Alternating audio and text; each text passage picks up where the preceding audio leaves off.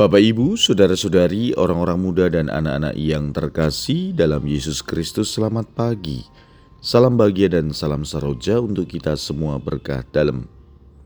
Bersama dengan saya, Romo Antonius Karbito Pambuaji menyampaikan salam dan berkat Allah yang Maha Kuasa dalam nama Bapa dan Putra dan Roh Kudus. Amin. Hari ini Senin 28 Agustus dalam hari biasa pekan biasa ke-21. Bertepatan dengan peringatan wajib Santo Agustinus Uskup dan Pujangga Gereja. Bacaan pertama dalam liturgi hari ini diambil dari surat pertama Rasul Paulus kepada jemaat di Tesalonika bab 1 ayat 2b sampai dengan 5 dilanjutkan 8b sampai dengan 10. Bacaan Injil diambil dari Injil Matius bab 23 ayat 13 sampai dengan 22. Pada suatu hari Yesus berkata kepada ahli-ahli Taurat dan orang-orang Farisi, Celakalah kalian, hai ahli-ahli Taurat dan orang-orang Farisi, hai kalian orang-orang munafik, karena kalian menutup pintu kerajaan sorga di depan orang, sebab kalian sendiri tidak masuk dan kalian merintangi mereka yang berusaha untuk masuk. Celakalah kalian hai ahli-ahli Taurat dan orang-orang Farisi, hai kalian orang-orang munafik, sebab kalian menelan rumah janda-janda, sementara mengelabui indera orang dengan doa yang panjang-panjang. Sebab itu kalian pasti akan menerima hukuman yang lebih berat. Celakalah kalian, hai ahli-ahli Taurat dan orang-orang Farisi, hai kalian orang-orang munafik, sebab kalian mengarungi lautan dan menjelajah daratan untuk mentobatkan satu orang saja menjadi penganut agamamu, dan sesudah ia bertobat, kalian menjadikan dia orang neraka yang dua kali lebih jahat daripada kalian sendiri. Celakalah kalian, hai pemimpin-pemimpin buta, yang berkata, "Bila bersumpah demi bait suci, sumpah itu tidak sah, tetapi bersumpah demi emas, bait suci, sumpah itu mengikat." Hai kalian orang-orang bodoh dan orang-orang buta, manakah yang lebih penting emas atau bait suci yang menguduskan emas itu? Dan kalian berkata, bila bersumpah demi mesbah, sumpah itu tidak sah. Tetapi bersumpah demi persembahan yang ada di atasnya, sumpah itu mengikat. Hai kalian orang-orang buta, manakah yang lebih penting, persembahan atau mesbah yang menguduskan persembahan itu? Karena itu barang siapa bersumpah demi mesbah, ia bersumpah demi mesbah dan juga demi segala sesuatu yang terletak di atasnya.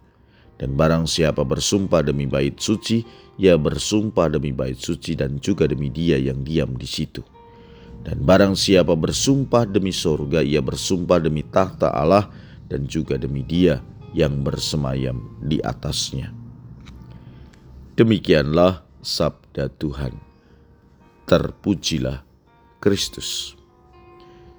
Saudara-saudari, hari ini kita merayakan peringatan wajib Santo Agustinus. Siapa sih yang gak kenal dengan Santo Agustinus? Dia adalah seorang bapak gereja yang memiliki pengaruh yang mendalam dalam teologi dan spiritualitas kekristenan. Kita merenungkan sabda Tuhan dalam Injil Matius hari ini yang menyoroti tentang pesan Yesus bagaimana kesombongan dan kerendahan hati itu harus dipilih dalam kehidupan kita. Yesus dengan tegas menegur para ahli Taurat dan orang Farisi karena mereka menjalankan agama mereka dengan sombong dan memfokuskan pada ritual-ritual eksternal tanpa memperhatikan perubahan hati yang sejati. Mereka mengejar kehormatan manusia, popularitas, dan mengabaikan kebenaran rohani. Santo Agustinus sendiri mengalami perjalanan spiritual yang penuh liku-liku. Dari kehidupan yang terjebak dalam dosa menuju pertobatan yang mendalam dan mendapat kasih Allah yang tiada tara. Dia akhirnya menemukan kerendahan hati yang menjadikannya alat yang lebih efektif bagi kerajaan Allah. Nah, saudara-saudari,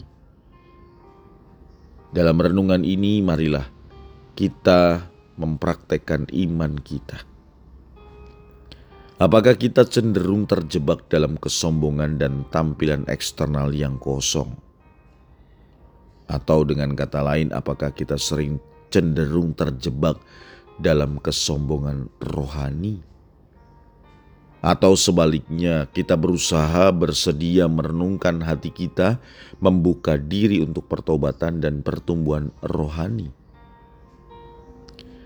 Seperti Santo Agustinus, marilah kita melepaskan diri dari kesombongan kita, membiarkan kerendahan hati mengubah cara kita berinteraksi dengan Allah dan sesama. Kita diingatkan bahwa Allah melihat kita bukan hanya penampilan luar. Marilah kita berdoa. Yalah belajar dari Santo Agustinus, kami berusaha untuk melepaskan kesombongan-kesombongan rohani kami, karena kami tetap butuh Engkau.